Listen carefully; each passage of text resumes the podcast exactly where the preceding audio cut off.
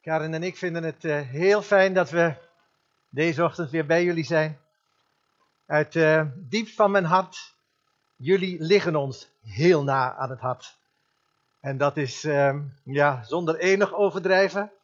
Wij houden ongelooflijk veel van jullie als kerk, als diegene die we door de jaren heen heel goed hebben leren kennen. Dus we zijn, we zijn blij. Dankbaar dat we hier zijn. Ik ik dacht daar straks even, terwijl we in aanbidding waren, aan de, aan de verdrukte kerk. Um, ik ben altijd heel erg onder de indruk van de verhalen over de verdrukte kerk. En een van de dingen die mij altijd opvalt in de verhalen van de verdrukte kerk, dat is dat zij uh, in alle omstandigheden weten zij er het beste van te maken. En hun geheim is dat de beste, die woont in hen. Zij hebben het beste, namelijk hij zelf, die is in hen. En, dan, en als je zo leeft met, met Jezus, dan weet je er ook altijd het beste van te maken. En dat straks werd even genoemd, die 45 jaar dat wij met Jezus op weg zijn, Karen en ik. En ja, je gaat door van alles heen, maar de kunst is om er altijd weer het beste van te maken. En dat kan, want Hij is de beste. Hij woont in ons. En daarom lukt dat ook.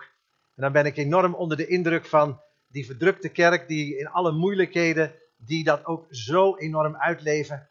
En op dit moment wordt wel eens even gezegd, we zijn ook een beetje een kerk in verdrukking. want we moeten plotseling mondmaskers opdoen. Nou, dat zijn maar kleine verdrukkingen hoor. Dat valt allemaal nog wel mee. Maar het zijn goede oefeningen. Het zijn goede oefeningen voor ons. Om te leren dat je soms gewoon even niet alles kunt doen wat je gewoon altijd kon doen en wilde doen. Dat zijn goede oefeningen. Volgende week zondag dan gaan wij als kerk in Londenzeel voor de eerste keer gaan wij weer zondagdienst hebben.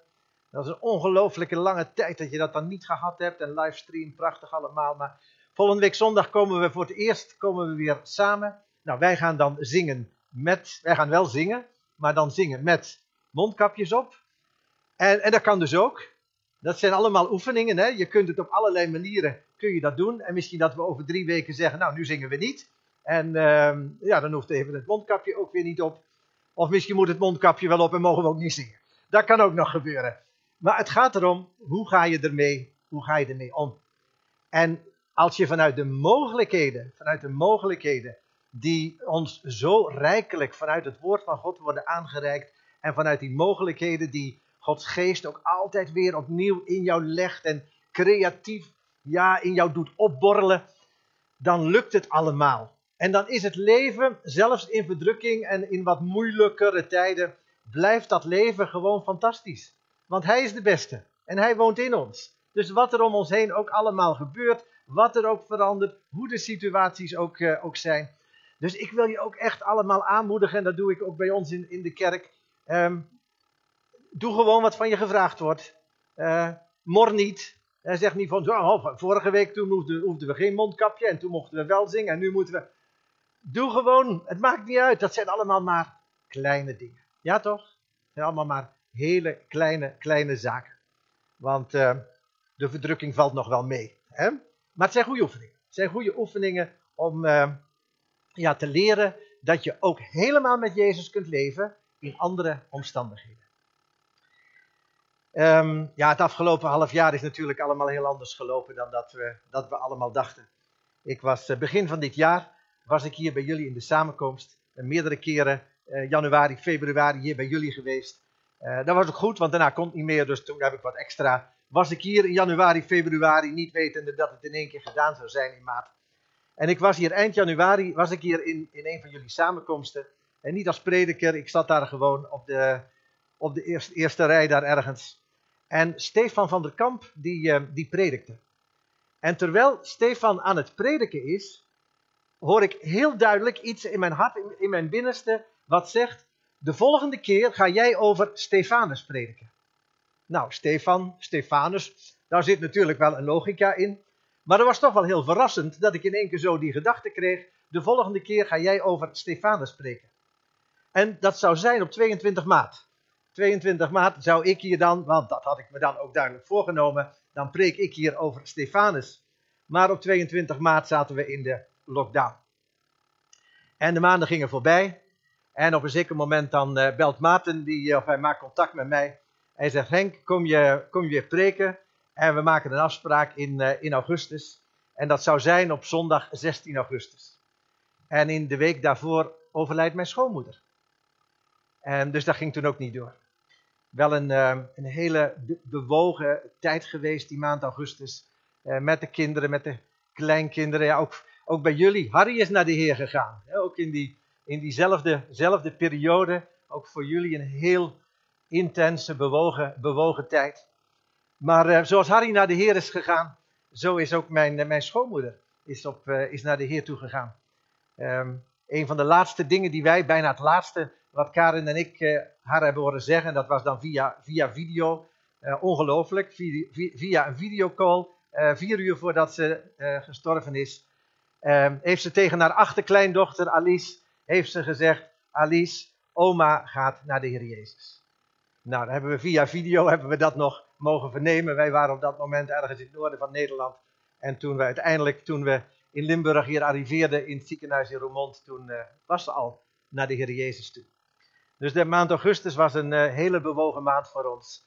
Ons, uh, ja, mijn schoonmoeder, Karin haar moeder, naar de Heer Jezus gegaan. Afgelopen nacht hebben we geslapen in haar huis, in haar huis in Masbracht. Uh, dat doet goed, dat is ook aan de andere kant, is dat ook wel weer, ja, ja oma is er niet meer. mijn dochter Jessica is mee. Onze twee pleegkinderen, Louis en Amelie, die zijn mee. Amelie is ook vandaag is, is, is bij ons. Dus we zijn vanuit Maasbracht zijn we deze ochtend zijn we hier, zijn we hier naartoe gekomen. En uh, ja, ik ga dus zo meteen spreken over Stefanus. Maar er gebeuren zoveel verrassende dingen. Ik heb een, uh, een jong koppel hebben we vandaag meegenomen uit, uh, uit Maasbracht. en wel een heel dierbaar familielid, mijn neef Stefan. Ehm, Stefan, waar zit je? Ja, Stefan met zijn vriendin. Die, die, zitten, die zitten bij ons vandaag. dus Karin die heeft één broer, Harry. En um, ja, dit is mijn oudste, oudste neef, Stefan. En Stefan die was vorige week ook al hier, als je het misschien opgemerkt had. Maar hij dacht, ik zal maar niet te veel contacten maken, want ja, dat is misschien niet zo helemaal gepast met corona. Dus nu hebben we hem voor een tweede keer meegenomen. Nu is hij voor de tweede keer hier. En uh, ja, ongelooflijk. Ik, ik dacht toen ik dat hoorde, dat hij deze week, uh, toen we dat afspraken, dat hij mee zou gaan. Toen dacht ik, denk, heer, hoe is dat nu toch mogelijk? U zegt me nu al een half jaar, ik moet over Stefanus spreken. En nu gaat zelfs mijn neef Stefan, die gaat deze zondag hier, hier zijn. Nou, jullie zeggen, oké, Henk begint er nu over, want de tijd gaat voort, dus begin nu over Stefanus. Uh, ja, nog één ding tussendoor zeggen, dat um, eigenlijk moest ik over Franciscus van Assisi spreken vandaag. Je zegt, waar komt die nu in één keer mee? Wel, het is toch Werelddierendag vandaag? En Werelddierendag, dat is 4 oktober, maar er is bijna geen kat meer die weet waarom wij op 4 oktober Werelddierendag hebben. Dat is door Franciscus van Assisi dat is een Rooms-Katholieke heilige. En zijn naamdag is op 4 oktober. En die man die had iets met dieren. Die communiceerde met de mussen. Die hoorde door de natuur en de dieren hoorden die God praten. En zo is die dag, zijn naamdag, is uiteindelijk Werelddierendag geworden. Oké, dus, maar ik ga niet spreken over Franciscus van Assisi. Maar ik kon toch even niet laten natuurlijk om hem even, om dat eventjes te noemen. Maar ik ga met jullie spreken over Stefanus. Nou, dat hele verhaal, dat ga ik niet met jullie voorlezen, want dan zijn we meteen 20 minuten verder. Want dat hele verhaal over Stefanus is een behoorlijk lang verhaal. Dat kun je lezen in Handelingen 6 en 7, dus dat zijn twee volledige hoofdstukken. En ik ga daar een paar dingen ga ik daar zo uitnemen, terwijl ik daar jullie over vertel. En ik heb meteen een uitdaging voor ons allemaal. Ik wil graag, terwijl dat ik over Stefanus iets vertel, wil ik jullie uitdagen om jezelf te spiegelen aan deze man. Alsof hij daar in die spiegel staat en jij je spiegelt en denkt, hoeveel Stefanus, of misschien heet je wel Stefanie, ik heb een schoondochter die heet eh, Steffi, misschien ben je wel Stefanie of Steffi, hoeveel Stef, Stefan, Stefanus, Steffi, hoeveel Stefanus zit er in mij? Wel, even meepakken, even naar het begin van het verhaal. Handelingen 6. Apostelen van Jezus zijn op zoek naar dienstbare mannen. Ze zijn op zoek naar dienstbare mannen om voedselbedeling te doen. Dat is een mooi modern woord, voedselbedeling. Dat staat er zo niet, maar het is een mooi modern woord. Voedselbedeling, weten we allemaal waar we het over hebben. Voedselbedeling, voedselbank. En zij zoeken een aantal mannen om dat te doen. Eigenlijk om dat te regelen. Om dat te delegeren. Om dat, ja, om dat uh, uit, uit te werken. Over naar een hele grote groep mensen. En ze vinden er zeven. En er zijn ook een aantal kwaliteiten waar die zeven aan moeten voldoen. Uh, ze moesten bijvoorbeeld gerespecteerd zijn door de mensen om hen heen. Dus het moesten respectabele mensen zijn. Mensen waar, je kunt van, waar iedereen van zegt, daar kun je op bouwen. En daar kun je op, uh, kun je op vertrouwen. En het moesten ook uh, mensen zijn die wijs waren. En ook nog mensen die zich lieten leiden door de Heilige Geest. Nou, misschien zeg je tot zover, hier haak, hier haak ik al af. Want ik denk al niet dat ik mij kan spiegelen aan Stefanus of aan een van die anderen. Want dit klinkt al, al heel groot. Maar haak nog niet af, blijf nog even bij me. Want misschien lukt het toch om ons te spiegelen aan Stefanus. Want een van die zeven is dus Stefanus. En hij en nog een, van de anderen, die komt in één keer bijzonder onder de aandacht in het, uh, in het, in het, Bijbel, in het Bijbelverhaal. Ook nog even zeggen dat het een hele bijzondere tijd was. De kerk van Jezus was net begonnen. De Heilige Geest was, uh, was gekomen. En op dat moment, en nu citeer ik even uit Handelingen 6, vers 7, daar staat: Steeds meer mensen luisterden naar het goede nieuws over Jezus. Wow, dat is al mooi hè? Dat willen wij ook graag? Steeds meer mensen luisterden naar het goede nieuws over Jezus. En het aantal gelovigen in Jeruzalem werd snel groter. En zelfs een grote groep godsdienstige leiders ging in Jezus geloven. Wow. Op andere plaatsen, daar zie je dan dat de Heer voegde dagelijks toe aan het aantal. Nou, dat is, wie wil dat graag? Kom en zie, de Heer voegt dagelijks toe. Yes, dat willen wij. Nou, daar ga ik zo meteen nog wel eventjes verder op in. Dat de Heer dat ook echt wil voor jullie als Kom en dan um, lezen we iets over Stefanus. En ik, uh, ik citeer dat uh, even zo letterlijk mogelijk. Want dan staat er in Handelingen 6, vers 8. Stefanos de pleres charitos. Kai dynamios. Epoiei, tirata, kai samea, megala en toilaoi. Wat staat daar? Dus je hebt al een paar woorden herkend. Stefanus vol van genade vol van genade en kracht, deed grote wonderen en tekenen onder het volk. Dus Stefanus sprong er echt wel uit. Stefanus was iemand die bad voor de zieken. En er gebeurden wonderen. En er gebeurden steeds grotere wonderen. Dat hadden ze hem helemaal niet gevraagd trouwens.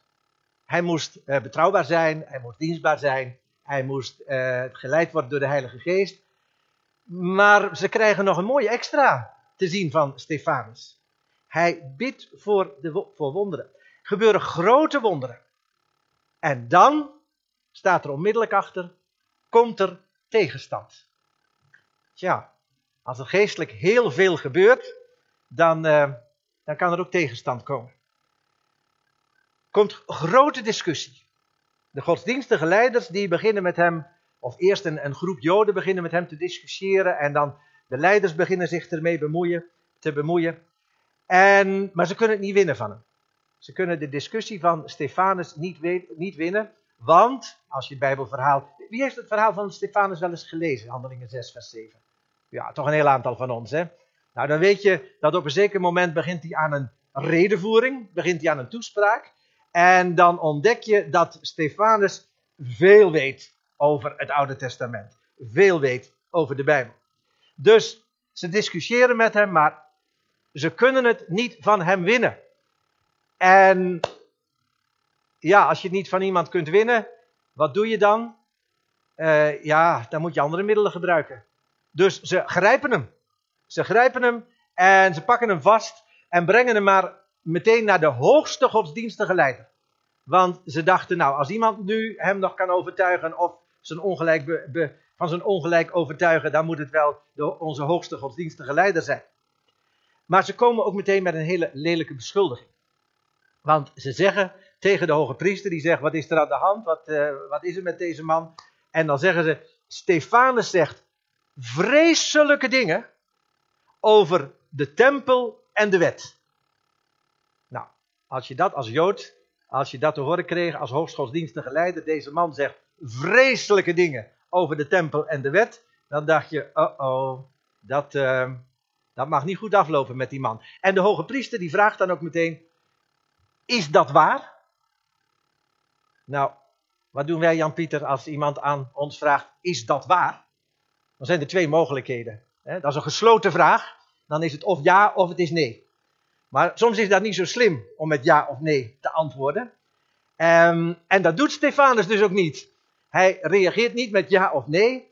Hij begint meteen met zijn toespraak.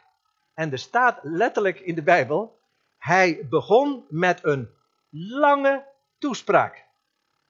En wat is nu het hele bijzondere van die toespraak? En je moet dat zeker eens lezen de komende dagen. Waarin, wat is nu zo heel bijzonder in die toespraak? Dat in die toespraak blijkt dat Stefanus juist heel veel respect had voor de wet van Mozes. En dat hij de tempel, dat hij daar heel veel waardering voor had. Dat hij ooit gemaakt, gemaakt is door Salomo. Want wat doet hij? Hij begint in detail te vertellen over Abraham, maar dan ook over Mozes, die de wet gegeven heeft. Over David, over Salomo, die de tempel heeft gebouwd. En zo gaat hij. Het is eigenlijk fantastisch als je nog niet zo vertrouwd bent met de geschiedenis van het Oude Testament, dan moet je gewoon dat stuk eens een keer lezen. Want dan zie je meteen een heel stukje verhaal van Abraham, Mozes, David, Salomo. Schitterend, schitterende toespraak van, van Stefanus. En dan zegt Stefanus, en toen kwamen de profeten.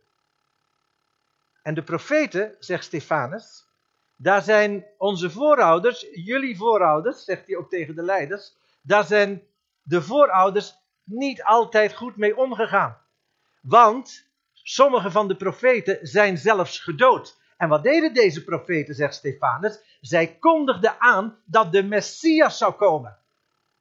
En toch zijn een aantal van de profeten gedood, zegt Stefanus. En dan richt hij zich helemaal tot de leiders. Hij zegt, en ondertussen is de Messias gekomen en jullie hebben hem gedood. Ja, dat uh, was heel confronterend. Heel confronterend. En op het moment dat Stefanus dat zegt, op het moment dat hij zo duidelijk uitkomt voor wie Jezus is, dat Jezus de Messias is, en dat mede door toedoen van die leiders, dat Jezus naar het kruis is moeten gaan, dan wordt het hun complete veel. En dan gaat het ook allemaal heel snel. De Joodse leiders worden woedend ze komen dreigend komen ze op hem, uh, op hem af. En weet je, als er dreiging op je afkomt, wat moet je doen? Stel je voor, stel even letterlijk voor dat jij bent Stefanus en daar komt zo'n woedende groep die komt op jou af. Hun blikken kunnen jou doden. Wat doe je als je Stefanus bent? Wel, men zegt wel eens, als de dreiging op je afkomt, dan moet je soms even de andere kant op kijken. Ja, Maarten die doet het al dan moet je soms even de andere kant op kijken. En dat staat er ook letterlijk. Stefanus keek de andere kant op. Welke kant keek hij op? Hij keek omhoog. Soms dan, eh, als de dreiging op je afkomt, dan moet je even de andere kant op kijken.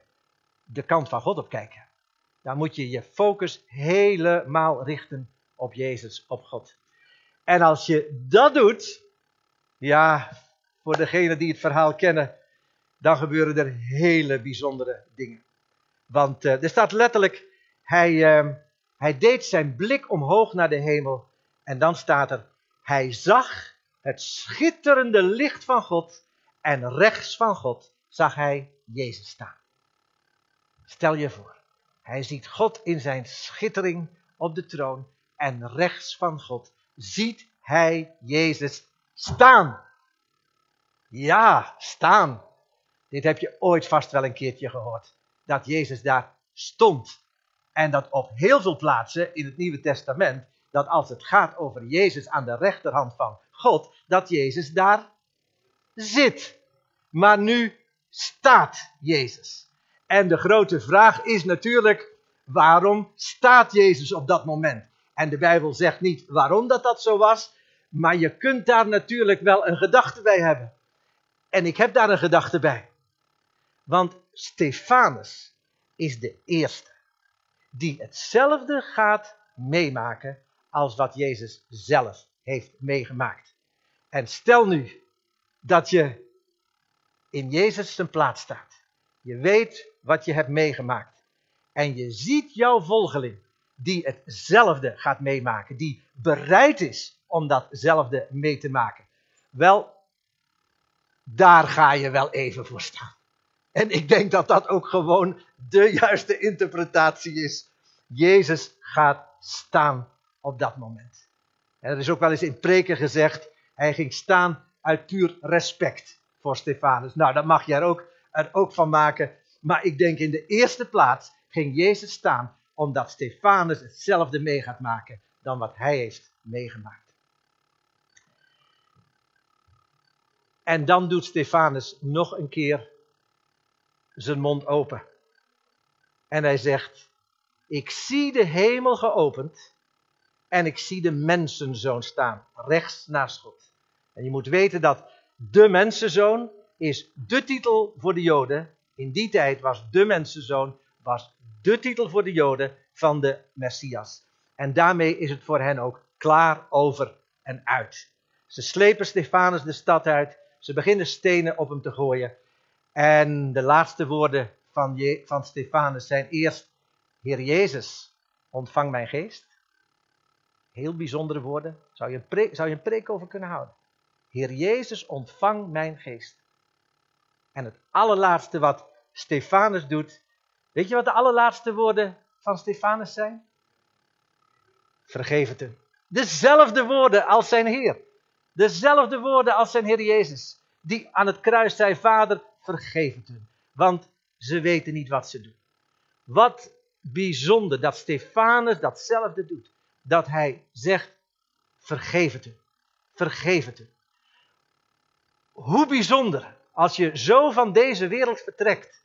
Dat je je grootste vijanden, dat je kunt zeggen, ik wil niet dat die mensen verloren gaan. Hè? Vader, vergeef het. En daarmee stelde hij een ongelooflijk sterk statement. En er wordt weinig over gepreekt. Maar ook Jezus heeft daar een statement, een wereldstatement gedaan. Een geschiedenisstatement. Door te zeggen daar aan het kruis, Vader, vergeef het. Vergeef het. Als Jezus dat niet had gezegd, moet je maar eens over nadenken. Vader, vergeef het. Nou, we gaan even tot slot naar die spiegel. Die spiegel van Stefanus jezelf spiegelen met Stefanus. Wie zou zich durven spiegelen met Stefanus deze ochtend? Laten we Stefanus gewoon eens in onze tijd zetten. En, en, en mag ik dan gewoon over Stefanus zeggen? Stefanus was een, een dienstbare christen. Die veel voor zieken bad. Zijn Bijbel heel goed kende. En voor wie er één naam centraal stond. Jezus. Als ik het nu zo zeg, komt het dan iets dichterbij voor ons? Hij kende zijn Bijbel heel goed. Je kon hem s'nachts wakker maken en hij vertelde je hele delen. Hij was iemand die veel voor de zieken bad. Hij liet zich leiden door de Heilige Geest. Ik denk dat jij en ik Stefanus kunnen zijn. En het kan ook heel goed zijn dat in onze levens, in een aantal levens van ons, dat dit ook nog heel letterlijk verder wordt uitgewerkt. Het leven van, van Stefanus. Maar jij en ik kunnen Stefanus zijn. Ik wil nog één ding met jullie delen. Eén ding. En dat is dit. Toen Stefanus stierf, waren de leiders blij. En de christenen waren verdrietig. Er staat letterlijk in de Bijbel dat er was veel verdriet rondom de dood van Stefanus. Dat is toch ook, zijn allemaal die kleine zinnetjes die ik soms heel belangrijk vind in de, in de, in de Bijbel. je zou kunnen zeggen, de christenen die zeiden van, wow, hij heeft zijn leven voor Jezus gegeven, het is feest. Nee, er was veel verdriet rondom zijn dood. Ze rouwden rondom zijn dood. Daarna komt er trouwens een enorme vervolging. Worden heel veel christenen, volgelingen van Jezus, worden na de dood van Stefanus, worden plotseling vervolgd. En dan staat er letterlijk in de Bijbel dat er was één persoon, Saulus, en die rouwde niet. Staat er letterlijk, rouwde niet. Hij was ook een van die leiders. Saulus, je weet wel, die later Paulus is geworden. En dan staat er, want hij was het eens met de moord op Stefanus. Dat is toch ongelooflijk. Bedenk dat. Daar staat een man die, was het, die ziet dat gebeuren. Die ziet dat er iemand doodgegooid wordt. En die was het daarmee eens. Saulus was het daarmee eens. Nou, jullie weten, Saulus is door een enorme bekering gegaan. Hij is, hij is Paulus geworden. En ik wil jullie tot slot meenemen naar een, een moment, 30 jaar na Stefanus. Om jullie te zeggen wat Stefanus, die zijn leven weggaf voor Jezus, wat dat een impact gehad heeft. 30 jaar later staat diezelfde Saulus, dan Paulus, staat ook voor de Joodse leiders. 30 jaar later staat hij ook in Jeruzalem voor godsdienstige leiders. En moet hij het uitleggen dat hij gelooft in Jezus als Messias. En wat doet Paulus terwijl dat hij daar staat voor die godsdienstige leiders daar in Jeruzalem, 30 jaar later? Hij vertelt over zijn bekering en plotseling heeft hij het ook over Stefanus. En hij zegt tegen die godsdienstige leiders, hij zegt, het was kort daarna. Hij zegt, en ik was aan het bidden. Ik was met God aan het praten over zijn getuige Stefanus. Uw getuige Stefanus. Je kunt dat vinden in Handelingen 22. In zijn gebed, dus Paulus die vertelt daar gewoon aan die leiders een gebed. Hij zegt, en toen was ik dat en dat was ik aan het bidden, bidden. En toen zei ik, ik zeg Jezus, en toen ik heb voor u gekozen. En dat kwam mede door uw getuige Stefanus. Uw getuige Stefanus. En als je dat kijkt in het Grieks, dan staat daar martyrion. Uw martyrion. En dat woord martyrion, dat kennen wij. Want martyrion, daar is een woord van afgeleid. En dat is het woord, wie weet dat? Wat komt er van martyrion, van martyr? Van Martin komt het woord martelaar. Stefanus is de eerste martelaar. En dan staat er zo in onze moderne vertalingen, en dat vind ik heel knap gezegd, waar dan in de oudere vertalingen staat, Stefanus, uw getuige, daar staat Stefanus, de man die over u vertelde.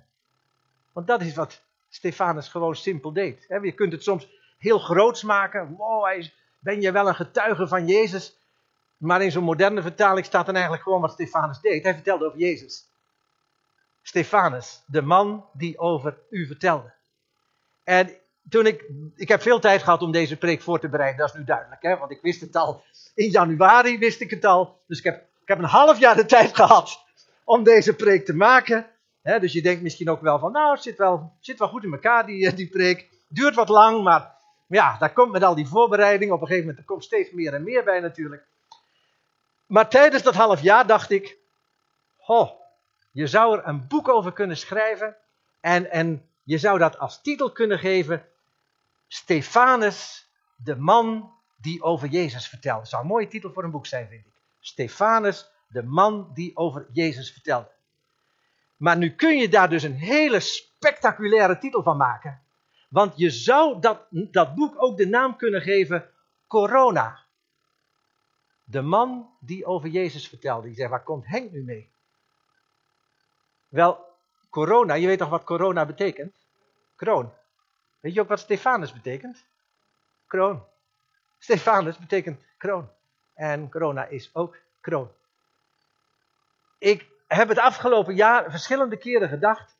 Heer, hoe kan dat nu toch zijn dat ik in januari al die naam Stefanus in mijn hoofd krijg. En in maart dan gaan we dan met elkaar in de, in de lockdown. En plotseling hoor je nog maar één woord. Hoor je alleen nog maar één woord. En dat is corona, corona, corona. Ik dacht, heer, heeft u mij misschien daar ook nog iets mee willen zeggen? Behalve dat ik over Stefanus moet preken. En op een zeker moment kwam de gedachte in mij. Ehm, alsof de heer tegen mij zei. Henk, wie draagt nu eigenlijk de hoogste kroon? Ik draag de hoogste kroon. Waar praat iedereen voortdurend over? Corona, corona. Alsof het een persoon is. Voor vele mensen is het bijna een persoon. Een vies beestje, zeggen ze dan. Corona. Maar het is alsof er, of er over niets anders meer gesproken mag, kan, hoeft te worden dan over corona. En corona draagt op dit moment in deze wereld, in deze menselijke geschiedenis op dit moment, draagt corona inderdaad een, een kroon. En Jezus zegt vandaag ook weer tegen ons: Wie draagt de allerhoogste kroon? Ik draag de allerhoogste kroon, zegt Jezus. Ik ben groter, veel groter dan corona. En Jezus woont in jou en in mij. Gaan we dat goed voor ogen houden. Dus eh, we gaan dat boek niet de titel geven: Corona, de man die over u vertelde. Geven we veel te, veel, te veel eer aan, uh, aan corona. Het wordt uh, gewoon Stefanus, de man die over u vertelde. Of, als jij nou je eigen naam daar eens in zou vullen. Als het nu eens zou, uh, zou worden Margriet, de vrouw die over Jezus vertelt. Kijk, Annemie wordt er helemaal blij van. Annemie, de vrouw die over Jezus vertelde. En dat boek, dat kun je vandaag al beginnen te schrijven. Want dat boek is op dit moment jouw leven met Jezus. Uh, een van mijn leerlingen, die heeft me al drie keer gevraagd op school. Ik mag gelukkig weer les geven. Al, ieder, al die leerlingen mondkapjes op, maar halleluja, sinds 1 september geef ik weer les. En een van mijn leerlingen, die vraagt uh, voortdurend altijd, die zegt, meneer, gaat er ooit over ons ook een boek geschreven worden? Uh, vind ik een hele boeiende vraag. Gaat Jezus over ons een boek schrijven? Dat soort vragen stelt hij dan allemaal. Nou, dan begin ik over het boek des levens en zo en openbaring, weet je wel. Maar jouw boek is al begonnen. En als het nog niet begonnen is, laat het vandaag beginnen. Jouw boek samen met Jezus. En hoe mooi zou het zijn, mooi, dat nog een veel te voorzichtig woord, hoe kostbaar, hoe waardevol gaat het zijn als dat boek het boek is, Neeltje. De vrouw die over Jezus vertelde. Volgens mij voelen de mannen zich gediscrimineerd nu op dit moment. Jan. Jan de man. Kijk, dat klinkt nog eens. Jan de man die over Jezus vertelde. Dat gaan mooie boeken worden. En weet je, als wij allemaal dat boek schrijven in ons leven, dan hoef je niet een speciale visie te bedenken voor de kerk, hoe dat wij de wereld gaan bereiken met Jezus. Als je allemaal jouw verhaal schrijft, samen met, met Hem, en over Hem vertelt, dan wordt deze kerk vanzelf weer bekend als de kerk die over Jezus vertelt. En dan gaat vanzelf gaan er weer mensen toegevoegd worden. Want de kerk wordt het snelst, wordt het snelst groter als iedereen van ons zijn verhaal over Jezus vertelt. En ik denk als je dat doet met elkaar, dan ga je ook terug naar het fundament van deze kerk. En dan wil ik toch nog één keertje noemen dat mijn eerste moment, 45 jaar geleden, was daar in dat zaaltje toen Wim van den Berg zei, en jij. Zo, met de vinger naar mij wijzend. En jij. Zou jij voor Jezus willen kiezen? En twee minuten later stond ik vooraan. En ik koos voor Jezus. En ik ging buiten en ik stond op de parkeerplaats. En ik zag plotseling wie Jezus was. Het was in één keer helder. Omdat iemand zei, jij. Zou jij voor Jezus willen kiezen? En ik wil ons uitdagen om in de komende tijd, om op die wijze, om ook aan mensen te vragen. Zou jij voor Jezus willen kiezen? Wie is Jezus? Wie is Jezus voor jou? En als we dat zo doen met elkaar, dan worden wij die mannen, die vrouwen, die weer over Jezus aan het vertellen zijn en die hun boek aan het schrijven zijn. Dan ben jij je boek ben je aan het schrijven, jouw geestelijk boek, jouw boek samen met de Heer.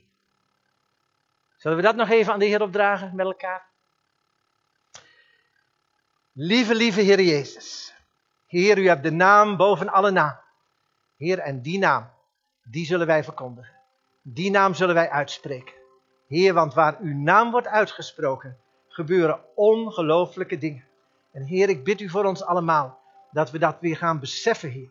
Heer, dat er een enorm verschil is of wij zeggen geloof jij in God, of als wij zeggen geloof jij in Jezus. Want uw naam, Heer, is de naam die Stefanus op zijn lippen nam. Hij sprak niet over God, hij sprak over die ene Jezus. Die ene Jezus die ons bij God brengt, maar we hebben hem wel nodig. En Heer, help ons om dat weer aan de mensen heel duidelijk te zeggen. Heb jij al over Jezus nagedacht? Heb jij al gelezen over Jezus? Heb jij al gehoord over Jezus? Mag ik jou vertellen over Jezus? Zou jij misschien voor Jezus willen kiezen? Want bij Hem is het leven. Halleluja. Dank u Heer dat u zo met ons verder gaat. En Heer, ik wil u ook nog heel hartelijk danken voor, de, voor het verrassend moment. Dank u Heer dat zagen Karin en ik niet aankomen. Heer, we, ja, dit, dit is zo, zo tof hier, zo fijn. Dank u wel daarvoor, Heer. Dat ook die leuke momenten, Heer, die verrassingen, dat ons dat uh, overkomt. En dat geldt voor ons allemaal. Als je samen op weg bent met God, dan ga je soms door hele moeilijke tijden. Maar op een bepaald moment, dan zijn daar weer die hartstikke leuke momenten. Die verrassingen van de Heer. Die cadeautjes die de Heer aan je geeft. Want Hij is uh, de beste Heer die je maar kunt hebben. Amen.